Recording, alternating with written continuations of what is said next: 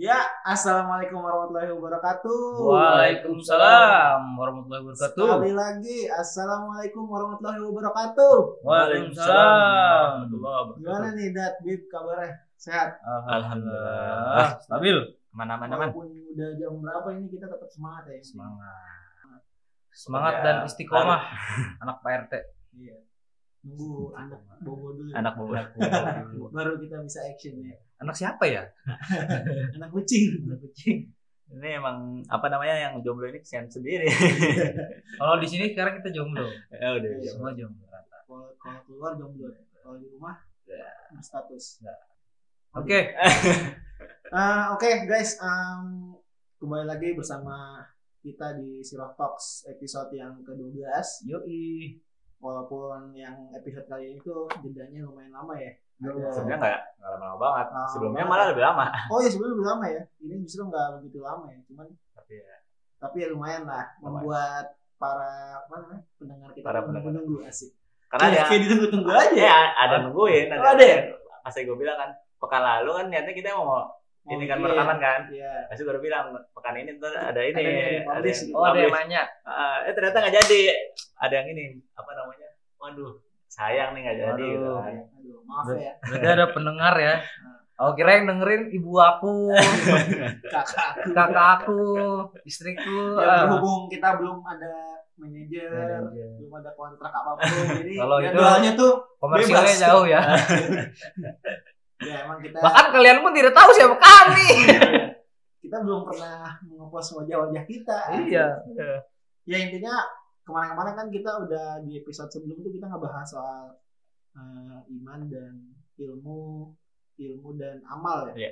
ya intinya tentang itu apa dua komponen itulah nah kali ini eh, kita bakalan ngebahas soal kita gabungin ti- ketiga itu dari apa iman, ilmu, ilmu, dan amal. amal. jadi tiga komponen ini nih yang sebenarnya tuh umat muslim kayaknya harus banget milikin kayaknya dan Hmm. dan kayaknya ketiga komponen itu nggak bisa dipisahin Ah nggak bisa salah satunya Ah. gitu atau dua aja gitu. iya Jadi kayak misalnya lu mau bikin suatu cita-cita besar gitu kan, peradaban apa gitu kan, Ah. pengen bikin negara Islam atau Hmm. ini gitu. Tapi Iya. lu cuma punya iman doang atau lu cu- Punya eh, doang. doang tanpa ada amal sama aja gitu, nol besar gitu kan. Ya kayak misalkan gue pengen jadi sesuatu gitu kan, pengen misalkan nih ada yang sesuatu, ada orang yang pengen jadi kayak khilafah dulu kan kayak Al-Fatih Ah, itu ya kan, iya.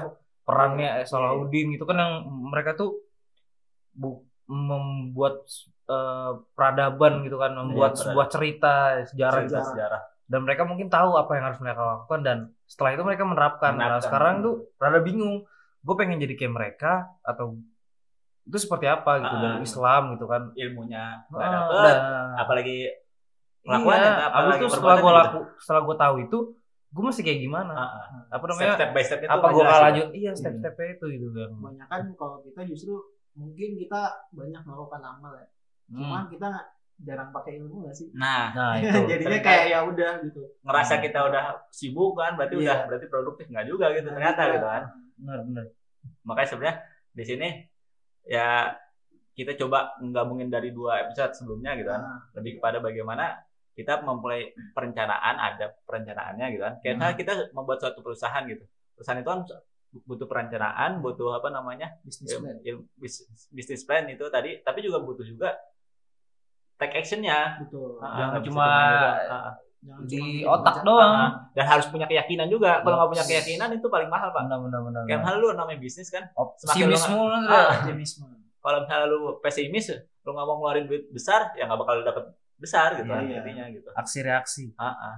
semakin lu besar bakar duitnya gitu kan semakin bisa besar juga hasilnya Hmm. gitu kan bahasnya kalau bisnis tuh Iya, intinya kalau kita pengen punya cita-cita sesuatu ya kita kayaknya emang harus banget punya tiga komponen itu sih. Kita harus punya ilmunya, kita juga harus yakin dan kita yang pasti praktekin. nah Benar, benar. Diulang-ulang terus kayaknya. enggak ya Tapi emang gitu, Pak. Iya iya. biar biar ketanam tuh di Iya, otak-otak biar- masing-masing nih Biar maksud dan tujuan dari pembahasan kita tuh nangkap gitu kalian. Kita bahas dulu nih tiga komponen itu di awal. bener-bener harus dimatengin gitu tiga-tiganya gitu. Ntar mungkin bisa di satu-satu tuh kita ulas satu-satu gitu kan. Betul. Hmm. tapi coba kita bener-bener kita masukin ke otak-otak Nah, bawah sadar lah ya. Otak-otak, kalau kalau misalnya kita bicara iman sebenarnya emangnya kenapa sih maksudnya kita tuh harus pakai iman gitu dalam kita apa untuk meraih cita-cita kita tuh kita harus me- apa sih menggunakan iman kita juga gitu. Emang kenapa sih? Ya tadi kayak hal lu bisnis nih Hmm. lu mau bisnis tapi lu nggak yakin bakal untung ya bakal nggak berani kan pertama Hmm. itu tuh keyakinan tuh bahasanya tadi keyakinan awal buat lu mau- bisnis gitu sebagaimana menganggap kalah aja ya. ah ya Belum lu perang main, udah kalah. main bola kan Hmm. udah Udah lah nggak usah, nggak usah main aja. mendingan apa dah mendingan we awal kalian tiga kosong daripada Iya, main tujuh kosong kan kayaknya iman tuh kayak lebih jadi kayak semacam pemacu kita nggak sih jadi kayak karena kita yakin kita tuh jadi kayak lebih semangat gitu. Hmm. lebih semangat kayak misalkan wah gue pengen ngadepin gue pengen sparring futsal lawan Messi nih misalkan. Tapi kalau kita yakin ah Messi juga orang juga kok gitu. Gue bisa ntar sliding dia ya kan. Nah, itu kan maksudnya kayak keyakinan itu kan perlu ditanamin ya. Apalagi kita sebagai umat muslim ya keimanan kita kita masing-masing udah tahu lah ya keimanan kita harus beriman ke mana gitu. Nah iya makanya dengan keimanan ini juga lu bisa berani mengorbankan segala sesuatu tadi gitu. Iya benar. ketika lu yakin bakal laku lu akan bakar duitnya juga akan lebih besar gitu. Kayak misalnya kalau ngomongin bisnis ya. Ah bisnis. Ini kan mungkin lebih gampang dengan apa namanya pola pikir bisnis ini ya. Padahal kalau dari Islam sendiri pun kalau kita kalau misalkan mengimani sesuatu kita udah di udah di apa ya kayak ajalannya alurnya itu udah dikasih lihat gitu sama Allah itu kan. Ya Lu ngomongin agama. makanya sukses iya enggak benar sahabat sahabat sahabat abis itu para ini kan pelanjut pelanjutnya itu suksesor besar gitu kan lu bayangin aja Iya. cuma dalam waktu berapa puluh tahun ternyata bangsa bangsa Arab yang dulunya kayak gimana gitu kan terbelakang lah nggak pernah nggak pernah dianggap Hmm. tiba-tiba menjadi sosok paling peradaban terbesar gitu Iya, ketika benar, itu gitu benar. Romawi sama Persia kalah kan Mm-mm. Awalnya apa ya? Awalnya dari keimanan tadi gitu. Awalnya dari Quran awalnya dari hadis tadi gitu. Benar-benar.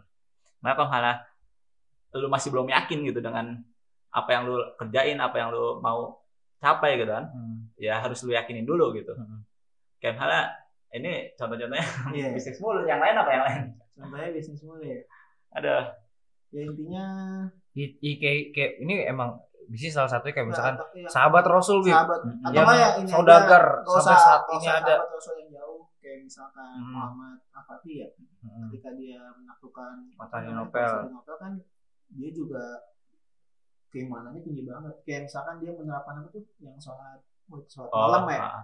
ya gini deh itu ah, Muhammad Al-Fatih dari baru lahirnya nih Ah. maksudnya baru ketika kecilnya itu udah doktrinnya parah banget pak Ah, itu tuh setiap keturunan dari apa namanya keturunan dinasti itu gitu iya. itu kayak di doktrin pokoknya kamu itu bakal ngebebasin Konstantinopel gitu Iya. dibawa anak kecil gitu umur baru berapa tahun lima tahun sampai 10 tahun gitu itu dibawa ngelihat Konstantinopel dibilang lu bakal ngalahin Bebasin itu. bebasin itu gitu Konstantinopel. itu jadi kecil mindset gitu. itu ya. Jadi ah, mindset gitu. jadi jadi apa ya? Udah jadi mindset lalu jadi semangat gitu ya. Ah, gitu dan ternyata apa ini bukan hanya baru pertama kali dilakuin di Muhammad Al-Fatih gitu Hmm. itu ke bapak kakek buyutnya udah pernah ngelakuin berapa belas kali Ah, selalu gagal selalu gagal tapi terus dilakuin terus gitu. Hmm. ya hari ini kan kalau kita ngeliat sekalinya gagal atau sekalinya ini kok kayaknya malah nyalahin Tuhan malah nyalahin ini gitu kan Iya. Tuhan Tuhan belum deket sama gue atau Hmm. Tuhan nggak ini gitu kan ternyata dulu juga kayak gitu maksudnya Hmm. mau Al-Fatih ini nggak sekaligus langsung menang gitu maksudnya Iya, bapak bapaknya dulu kan keturunan Ada proses ya. ah kayak gitu. proses prosesnya itu Kadang- mahal gitu Kadang orang tuh tidak ini tuh Pak. Ka- Kadang orang tuh pengen ngeliat orang, oh ya orang udah sukses, jadi ah, iya keterpaku, oh yaudah gue pengen bisa sukses. gitu. Jadi dengan cara instan ah, ah, dengan Instan. cara instan, jadi kayak nganggep saat mereka gagal, saat dia gagal, jadi nyerah gitu. Ah gue nggak bisa. Jadi udah langsung op- apa pesimis, pesimis duluan. duluan Ya, makanya kalau kita tadi kita lihat apa namanya Muhammad Al-Fatih Al-Fatih. benar-benar doktrin itu kuat banget baru Ah. umur berapa tahun gitu kan udah Iya. diajarinnya kayak gitu gitu dan Itu- itu ada satu kayak guru khusus yang benar-benar kayak ngedoktrin parah tuh gitu Hmm. itu kita tadi bicara soal keimanan ya. Hmm. maksudnya untuk Muhammad Al-Fatih bisa menaklukkan Konstantinopel pasti kan pakai ilmu juga Mm-mm. dan ilmunya dia tuh bukan main pasti dia Pasti lah. belajarnya itu kan Strategi perang, strategi perang Iya. Itu bela, bela, bela diri juga bela diri. bela diri itu selalu gitu maksudnya Ah, kalau kita lihat di masa-masa lalu gitu itu itu pasti antara namanya bela diri juga Hmm. di situ juga ada ilmu perang gitu kan Iya. ya kalau hal lihat para sahabat para sahabat nih gitu Hmm. itu kan bisa dibilang pernah nggak sih umat Islam itu ketika berperang pasukannya lebih besar daripada musuh kan ada bisa bilang Nggak hampir ada. nggak ada gitu Nggak ada kayaknya. itu kan berarti kan harus ilmunya juga harus lebih besar daripada Hmm. ini kan intinya gitu berarti kan tandanya dia pertama eh, imannya udah kuat latihannya berkali lipat pasti Ah. pasti karena kan lawannya lebih banyak Ah. otomatis dia mempersiapkan fisiknya harusnya berkali lipat terus kemudian juga strateginya juga nggak boleh ah, asal-asalan gitu strategi orang sedikit melawan orang banyak pasti kan strateginya harus punya Iya. plan A plan B banyak dan itu butuh banget ilmu Mm-mm. Tapi ya itu dia balik kali ke iman. Kalau misalkan iman, mereka punya dasar gitu. nah Iya. Untuk kenapa harus ya Iya. apa yang Belajar apa, itu, nah, iya. gitu. Bas ya, gini deh, kalau sering kali diulang ya, umat Islam itu gitu kan, dulunya setiap harinya di apa yang dikucilin gitu kan. Nah, Ini Rasulullah dan para sahabatnya dulu kan ketika masih baru-baru di Mekah itu kan, ada yang dihukum sampai meninggal, ada yang dihukumnya kayak Ali atau siapa gitu Iya, yang hukumnya setiap hari gitu kena hukuman. Tapi ternyata tadi 50 tahun dengan modal keimanan yang kuat gitu kan, hmm, ilmunya juga ada gitu. Hmm. dan take actionnya juga selalu akhirnya apa? Dengan 50 tahun tadi bisa untuk menguasai dunia gitu. Iya, imperium imperium besar ketika itu kalah semua pak. Hmm. yang dulunya bangsa Arab ini adalah saling bunuh-bunuhan antara apa namanya kabilah gitu kan. Kerjanya cuma minum homer kerjanya cuma judi kerjaannya apa namanya bunuhin anak perempuan gitu kan. iya. ternyata dalam 50 tahun jadi satu peradaban yang dicontoh dengan oleh peradaban-peradaban lain gitu. Betul. Berarti kan ini sebenarnya suksesor-suksesor terbesar ini ada di Islam itu gitu. ada banget dan apa namanya udah seharusnya kita Mhm. sebagai anak muda yang masih punya banyak cita-cita ya ke depannya kayak emang harus banget mencontoh dan meneladaninya sebenarnya Apalagi kalau misalkan dari sekarang nih ilmu apa yang eh, orang-orang dahulu lakukan gitu kan, Iya. sahabat Nabi, khilafah dan lain-lain itu Hmm. harusnya kita bisa lebih mempelajarinya gitu kan, nggak cuma Mm-mm. sekedar oh Cuma ini Utsman bin Affan yang tahu doang. Jadi gimana sih Umar bin Affan tuh bisa jadi kaya raya? Gimana sih Umar bin Khattab bisa pemberani kayak gitu tuh gimana? Itu Jadi kita cuma tahu. Jangan Bahkan ah, mungkin teman kita sendiri pun belum belum pasti kasih tahu nama sahabat ini mungkin kita Masih tahu ini siapa gitu. Ini kan Oh, sebenarnya poinnya tuh adalah kita kan sebenarnya tuh kadang suka ngeluh ya maksudnya kondisi negara kita Hmm. kondisi lingkungan kita begini gini nah kan kita kan punya keinginan untuk mengubah itu ya gitu Iya betul. dan untuk mengubah itu ya otomatis lu harus mempunyai kuasa yang lebih gitu ya Hmm, untuk lu menguasai lu sebenarnya udah punya banyak banget contoh Iya. orang-orang yang sudah pernah berkuasa gitu Hmm. dan sahabat Nabi ya kan dan penerusnya juga udah udah banyak banget ngasih ilmu dan bagaimana caranya menjadi seorang penguasa penguasa di sini dalam dalam artian positif ya maksudnya gue pengen berkuasa karena gue pengen eh, menerapkan kebaikan lah Hmm. gitu kurang lebih Ya bahasanya sebenarnya Islam ini benar-benar bahasanya tadi keyakinannya ada, ilmunya tadi data saintifiknya jelas gitu kan. Iya. Lo kan misalnya lo mau perang atau lo mau menaklukkan sesuatu gitu. Itu kan ada perencanaan gitu, nggak asal-asalan. Yuk kita perang gitu. Yuk kita datang ke sini lawan gitu kan enggak gitu. A- iya, iya. Tapi di situ benar-benar ada apa namanya? perencanaan, di sana itu memanfaatkan apa nih yang pernah terjadi di masa lalu gitu. Dibaca-baca ulang lagi gitu kan sejarah itu kayak gimana gitu kan. Habis itu juga mencermati realitas hari ini gimana gitu kan. Kan kita tahu nih sejarah itu akan terus berulang tapi tetap aja kita harus tahu bagaimana realitas hari ini gitu. Iya benar. Orang tuh sering kali udah yang penting sejarah tuh begini cara-caranya begini. Nah, Benar cara-cara gitu tapi kita juga harus tahu gimana harus menerapkan di saat ini gitu. Iya. Iya, Jangan iya. asal-asalan gitu kan. mungkin kayak kalau misalkan sekarang ya kalau misalkan pengen mem- memenangkan suatu apa ya peperangan Kontestasi. konsentrasi lah kita nggak nggak bilang peperangan Hmm. ketika kita ingin memenangkan sebuah konsentrasi kontestasi. kon- kontestasi yang ada pada era ini ya kita otomatis harus punya tools yang kuat misalkan kayak sekarang itu kan polit apa melek digital ya. Nah, otomatis kita harus Masuk lagi juga. masuk ke situ juga dan itu realita yang sekarang ada gitu Iya. Jangan merasa oh berarti gue nggak usah ikut-ikut Ah. beginian gitu. Ah, salah. Bahkan ada gitu. yang kayak gini.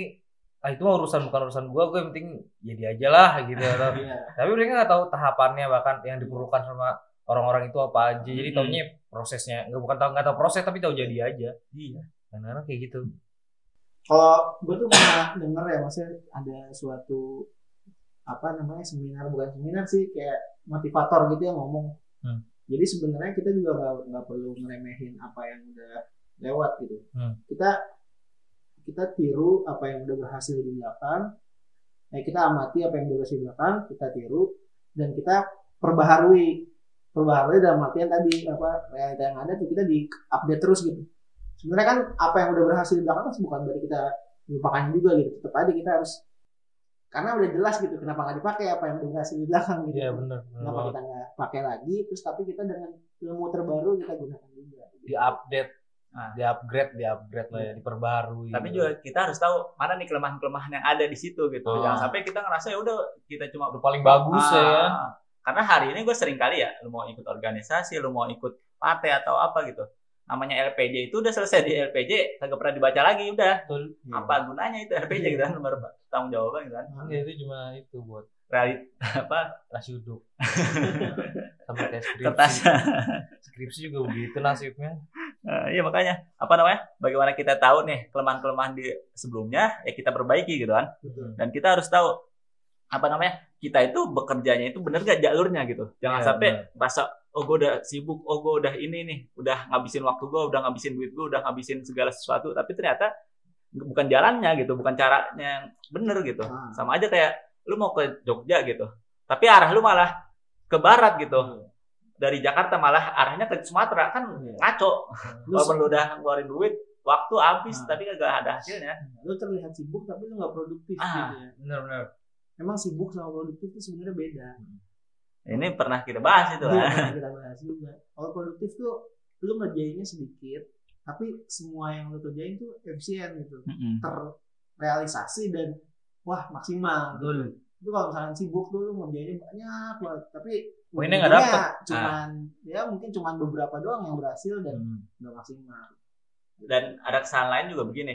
Seringkali hari ini kita ngerasa ketika udah temen, temenan banget. Maksudnya kayak ngerasa pokoknya kalau dia ada salah, nggak mungkin ada salah gitu. Ah, Pasti kita benerin ini orang mulu gitu. Ngebelain. Ngebelain terus. Kalau ada salah berarti dia nggak mungkin salah. Pokoknya dia dibelain. Tapi ketika ada musuh nih, lu bilang pokoknya segala apa yang ada dari dia, apa yang dikeluarin dari dia, salah semua itu gitu. banyak banget pak itu. Nah itu tuh banyak banget perasaan hari ini gitu kan bahasanya gitu. Kita ketika emang udah deket ini, ketika salah kita nggak mau benerin, tapi ketika musuh kita ada bener kita nggak mau ngebenerin juga tadi. Iya gitu. benar-benar. Maksudnya nggak mau, ya harus real lah gitu kan tadi data saintifik Kayak film tuh film lagi booming itu kilik Ah, kan kayak gitu. Oh iya. Dia lepas dari gibah-gibahan tapi Ya. tetap aja yang harusnya bener diomongin bener malah disalahkan yang salah malah dibenarkan. Ah. ya makanya ketika Rasulullah kan begitu juga gitu. Ketika emang ada ilmu yang benar gitu, ya dipakai. Enggak, oh ini siapa nih orang baru atau siapa nggak diterima kan nggak gitu gitu ternyata. Iya benar. Toh ternyata Rasulullah juga nyuruh sahabatnya suruh belajar bahasa Ibrani, bahasa apa namanya bahasa orang Yahudi, bahasanya orang Iya. Kristen gitu kan. Buat apa? Ya buat nyari ilmu juga dari mereka gitu. Benar. Ambil mana yang baiknya, mana yang Jeleknya. benernya gitu. Ah, Iya. yang jelek dibuang gitu kan. Iya. Iya dalam bab ilmu ini emang penerapan dari ilmu itu juga perlu dengan sebuah adab ya. Ya kan adab sebenarnya kan ilmu juga ya. Hmm. Tapi ketika adab itu ditinggalkan, kita punya ilmu yang ada bukannya malah cita-cita kita ke capai, tapi yang ada malah stuck di situ karena sebuah perdebatan atau Bahkan mundur. mundur, Mundur. bahkan bisa. Jadi kalau kita bicara babnya ilmu, kan ilmu Rasulullah kan banyak banget ya. Maksudnya, Iya. aneh nggak begitu paham soal agama fikih, usul fikih gitu, cuman yang anda tahu banyak lah ya Banyak banget. percabangannya kan banyak gitu dan itu semua perlu apa yang pasti adab lah mungkin orang logikanya aja gitu ya pasti Rasulullah tuh ngajarin tentang adab Hmm. tentang menghargai satu sama lain ketika ada perbedaan. Bagaimana cara menyampaikan eh, apa kesalahan orang lain gitu apa lebih baik tidak disampaikan di tempat umum gitu. Begitulah. Iya, yang gue tahu sih. Kayak kayak siapa ya? Lu, lu apa Bib yang bilang masalah orang hafal Quran itu? Apa?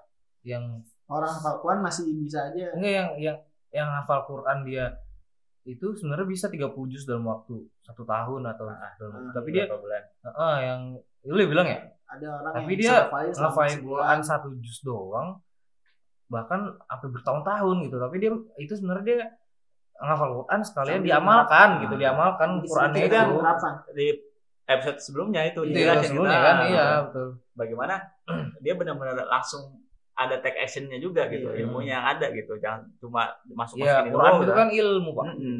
apa yang dari Allah kan semuanya ada di situ. Iman, Tapi tadi- ilmu amal. Mm-mm. dia benar ilmu tentang tadi balik lagi yang musuh ya Iya. itu juga harus jelas nih maksudnya sering kali kita malah mencari musuh di dalam umat Islam ini sendiri gitu Iya, saudara. menganggap oh ini musuh kita berbeda Ah. dari kelompok kita beda berarti dari musuh kelompok gitu. benar, benar. itu jangan sampai seperti itu gitu Karena akhirnya apa? emang nggak tahu di dunia atau di Indonesia doang yang orang Islam itu suka berkelompok dan saling membenarkan kelompoknya masing-masing dan menyalahkan kelompoknya masing-masing itu yang lain itu Sebenarnya, Dad, gua nggak tahu problema ini- itu ini ya Gue juga gue nggak tahu. itu ger- itu Sebelum kayaknya ngomong gue takut man. salah. Tapi yang pasti kita tuh nggak bisa menafikan bahwa perbedaan itu pasti akan ada. Pasti ada. Perbedaan pendapat, perbedaan sumber atau apa pun itu pasti akan ada. ya di zaman Rasul ada Hadis ansor kok ada hadis ada juga ada. ansor kan? ada apa namanya Maksudnya hadis tentang perbedaan ini akan ada. ada Suatu saat nanti Hmm, ada Islam tuh banyak banget golongannya kan. ya Cuma kalau gue sih yang poin penting yang selalu gue perhatiin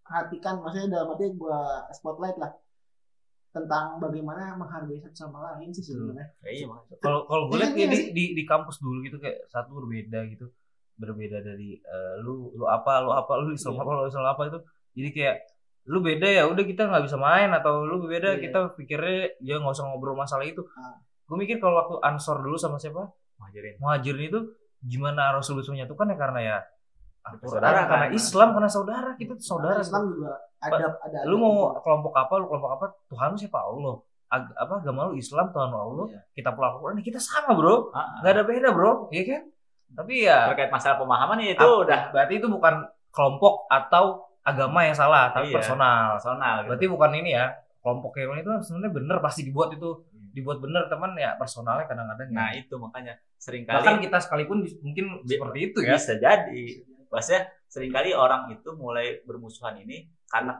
tahu di situ ada sumber daya pak lu organisasi Ada manfaatnya. nih, ah, ada apa yang bisa diraih apa yang bisa di ini Iya. gitu ketika dia tahu oh apa namanya menghasilkan. di situ ada menghasilkan nih Nah. wah itu dimanfaatkan itu ya walaupun gua bukan mau suzon dengan kelompok mana atau gimana ya tapi di sini akhirnya harus kita akui gitu kan ilmu tentang paham harus ada musuh dan musuhnya itu bukan di dalam gitu Ah. kan itu penting juga dan musuh di luar pun harus juga jelas ada yang musuh abadi yang benar-benar harus kita lawan terus gitu Iya, tapi Rasul juga ada kayak gitu deh Ah. kamu akan eh Rasul atau.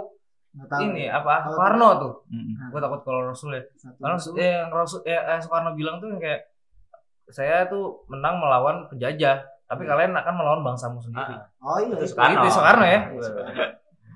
Iya, makanya. nah, iya. Jadi kebanyakan konflik itu jadi ketika bukan adanya perbedaan pendapat, tapi per- perbedaan pendapatan. Iya nggak sih. Nah, Ah. kalau ujungnya kan memang musuh diri, Semua musuh diri itu kan pada akhirnya kan ujungnya kan dunia, harta, Mm-mm. mantra. ya makanya sebenarnya baik lagi sana iman ya. ah keyakinan tadi gitu ketika keyakinan yang udah lurus gitu kan udah nggak ada udah bener lah gitu Iya. dari di keyakinan tadi ke depannya lebih lancar gitu tapi nggak bisa juga di stop di iman doang kayak Ah. tadi hari ini banyak orang yang bilang gue mau jadi kayak Al Fatih gue mau jadi kayak Salahuddin gitu Ah. kan gue mau jadi Doang. siapa gitu Sholat doa. yakin doang udah jadi itu tapi kan nggak tahu cara caranya nggak tahu apa yang harus dilakuin apa yang Iya. harus dikerjakan gitu kan ya sama aja Iya. kayak lu yakin nih gue bisa jualan bakal laku gitu tapi lu nggak pernah belajar gimana jualan. yang ini nggak pernah jualan juga ya nol gitu benar. gitu itu cuma pengawangan dalam mimpi-mimpi Itu kalau misalkan gitu dia cuma beriman doang misalkan ya udah eh misalkan dia punya cita pengen jadi seorang presiden ya dalam artian gue pengen mengubah bangsa ini nih supaya bangsa ini bisa jadi lebih beradab Mm-mm. tapi yang dia gunakan cuma iman doang iman di sini kan dalam artian kayak misalkan dia beriman oke gue sholat gue baca Quran Hmm. gue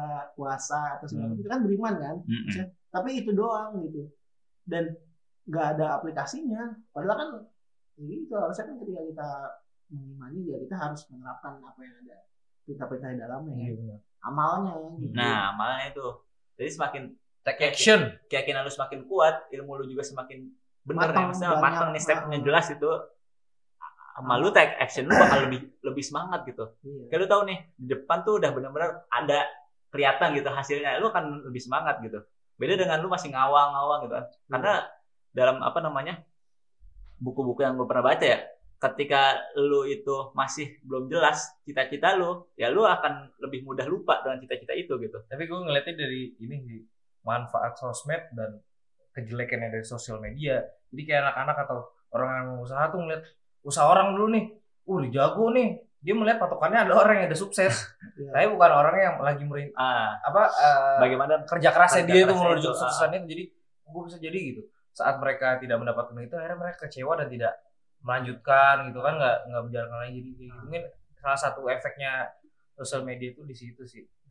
Bisa jadi balik padahal kan artian padahal kan dia belum mencari tahu seluk beluk lainnya Ah. keran lainnya kan bisa Hmm. jadi ketika wah gue dapat nih sumber yang lain ternyata Hmm. lewat sini ternyata lebih lancar gitu Iya, kan itu kan bab ilmu ya maksudnya ya lu harus belajar benar. ketika lu pengen punya ilmunya untuk bisa apa mendapatkan goals lu ya lu harus punya ilmunya untuk mendapatkan ilmunya itu ya lu harus punya Iya benar. semangat Hmm. untuk mendapatkannya itu gitu ya pokoknya ketika keyakinan lu udah matang gitu kan itu akan makin menguatkan menguatkan lu gitu tapi ketika amal lu juga kuat gitu kan itu juga sama-sama Iya. efek itu bagus lah gitu Iya, iya.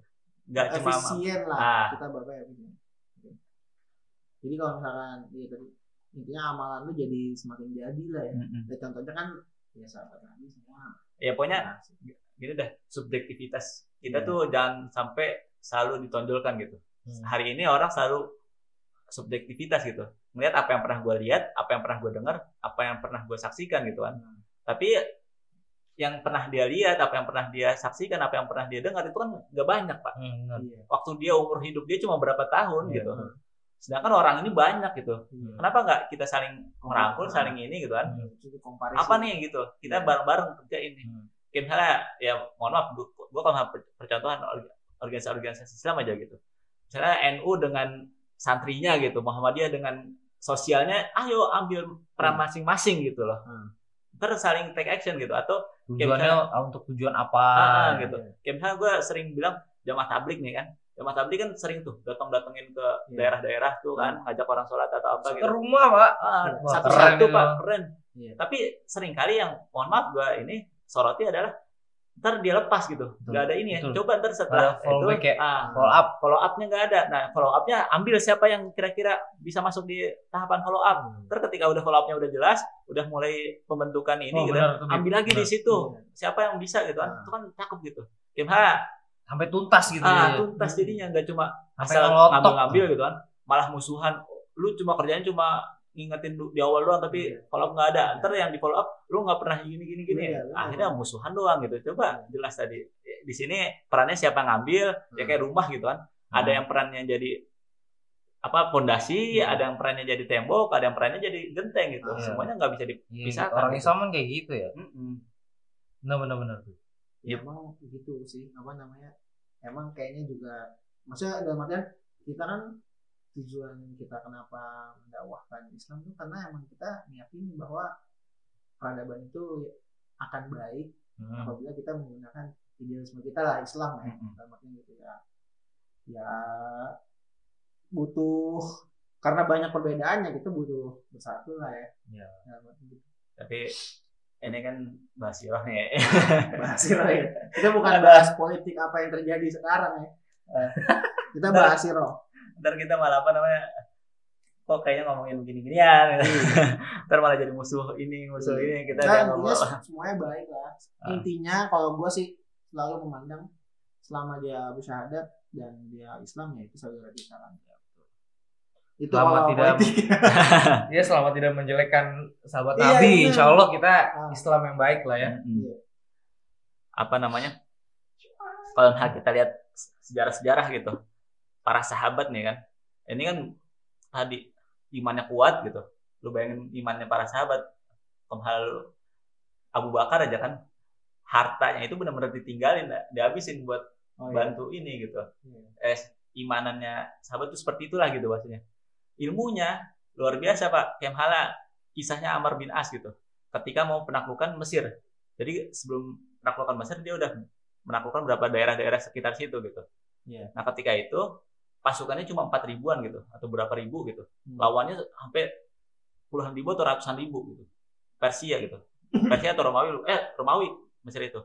Nah ketika itu dia di, di tengah jalan gitu kan. Umar nih sebagai khalifah ketika itu mikir nih kayaknya nggak siap nih kalau cuma 4000 pasukan berapa ribu pasukan doang gitu. Lawannya besar gitu kan.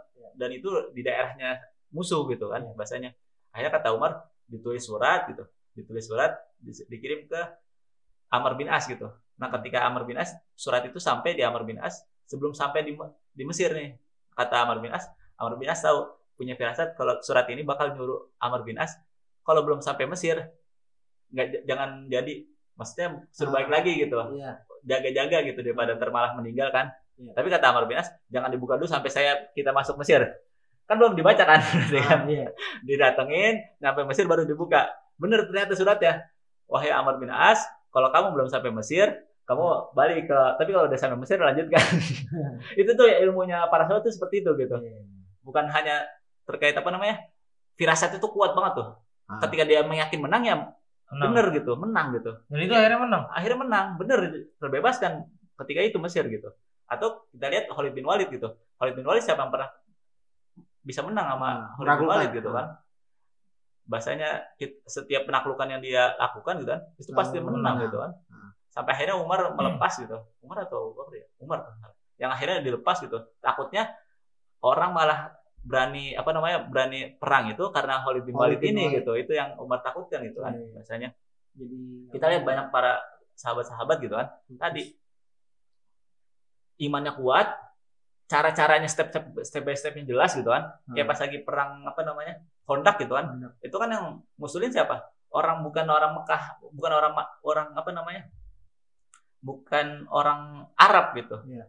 itu siapa Salman Al Farisi kalau nggak salah. yang dia ngusulin tentang bikin parit itu gitu itu kan Hmm. bukan orang bukan orang Arab lah gitu Nah, strategi ini bukan dari Arab gitu, tapi Hmm. dipakai ketika itu gitu. Itu kan suatu ilmu gitu kan. Hmm. Dari dari ilmu itulah akhirnya di antara cara kemenangan itu gitu, ada Hmm. gitu. Lu nggak bisa bilang gue udah kerja, gue udah ngeluarin infak, gue udah ini udah selesai gitu. Ya Iya. enggak gitu, harus tahu benar-benar jelas gitu sih.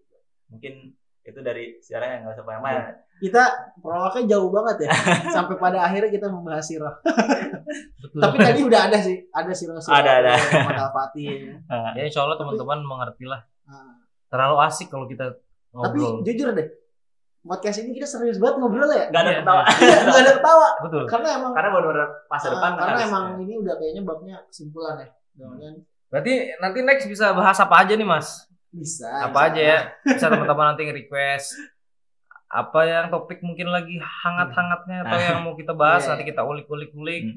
Ya, ini intinya simpulkan aja dulu nih episode. Ujung episode yang kita mau benar-benar udah rencanain sampai sini Ah. gitu bosnya hari esok itu benar-benar adalah milik umat Islam gitu kan. Min, tinggal kita Harus. tuh bukan harus udah pasti Udah gitu pasti. itu udah kepastian Itu gitu janji Allah ah janji Allah gitu janji Allah itu udah pasti benar gitu kan tinggal pertanyaan adalah kita itu sebagai pemain Ah, atau sebagai penonton. penonton atau malah jadi musuh gitu. Musuh dalam atau malah rusak gitu kan. Ah. nah itu kan pertanyaannya gitu. Iya iya iya. Apakah kita ma- cuma jadi penonton yang cuma bisa nyorakin gitu kan nyorakin ketika menang dia bangga ketika kalah disorakin gitu kan. Atau kita jadi pemain yang ketika dia berhasil dia seneng lebih bangga gitu kan lebih bahagia gitu Iya, kan. Iya.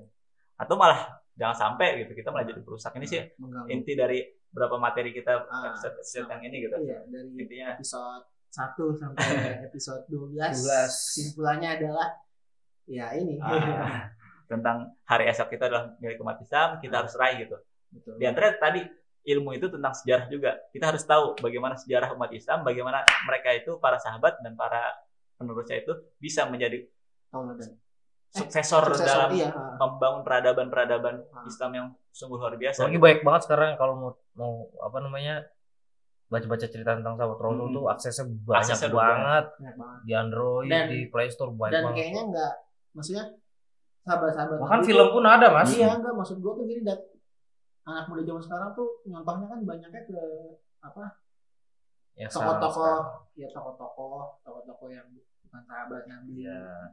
Atau kayak pahlawan-pahlawan super yang Ya, bahkan pahlawan-pahlawan fiktif. Fiktif. Iya betul. Nggak ada. Ah, maksud gue tuh kenapa kita enggak kita kan umat muslim gitu ya Tau- teladan yang udah ada tuh banyak banget gitu yang bisa kita contoh kenapa nggak kita lebih ke situ dulu Iya.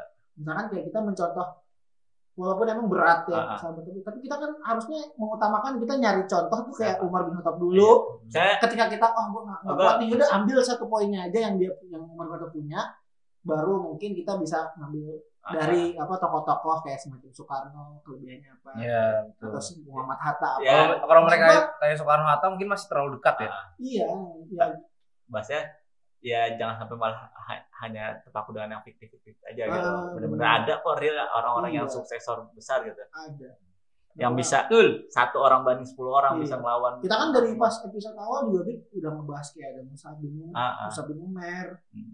yang yang itu tuh yang Abu Jalal Al Ghifari sih yang kayak kita tuh bocah selengean gitu ya Hmm. bocah selengean tapi pada akhir hidupnya pada akhir hayatnya dia adalah orang yang punya pengaruh besar, besar. Juga Hmm. untuk untuk umat muslim untuk non muslim pun juga dia bela kan ya Ya pokoknya hari ini kalau ada yang ngerasa gua kok bukan siapa-siapa, kok Iya. gua ini jangan sampai merasa seperti itu. Gitu. Jangan. Ternyata dengan cara-cara Tahu sendiri lu gitu. jadi presiden. betul banget Iya. Ya semua punya tempatnya masing-masing, semua punya jalannya masing-masing gitu kan. Ya Yakin lu deh. bisa manfaatin apa yang jangan jalan lu ngaku jadi Mama Hadi aja kamu.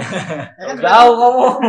apa tujuan dari si Roh Talks ini kan awalnya kan emang kita pengen ngasih contoh gitu maksudnya kita dalam artian elah ini tuh kita Ngingetin juga, ngingetin ngingetin. banyak banyak banget yang sahabat Nabi yang bisa lu ikutin lah Jadi bisa kita ceritain ke anak-anak kita, ya kan? Kalau kita Iya. nggak tahu ya kita kasih tahu, Hmm. kita cari tahu, kita kasih tahu ke anak-anak tuh minimal dia anak-anak itu punya tahu gitu sosok-sosok Ah. sahabat-sahabat Rasul gitu Jadi kan. bahasa anak kecil misalnya baru umur lima tahun tapi bilangnya saya pengen jadi Abu Bakar, saya pengen jadi Iya, Keren gitu kan. banget. Bukan cuma saya pengen jadi Batman, saya pengen jadi ini itu kan fiktif gitu. Makanya itu sih.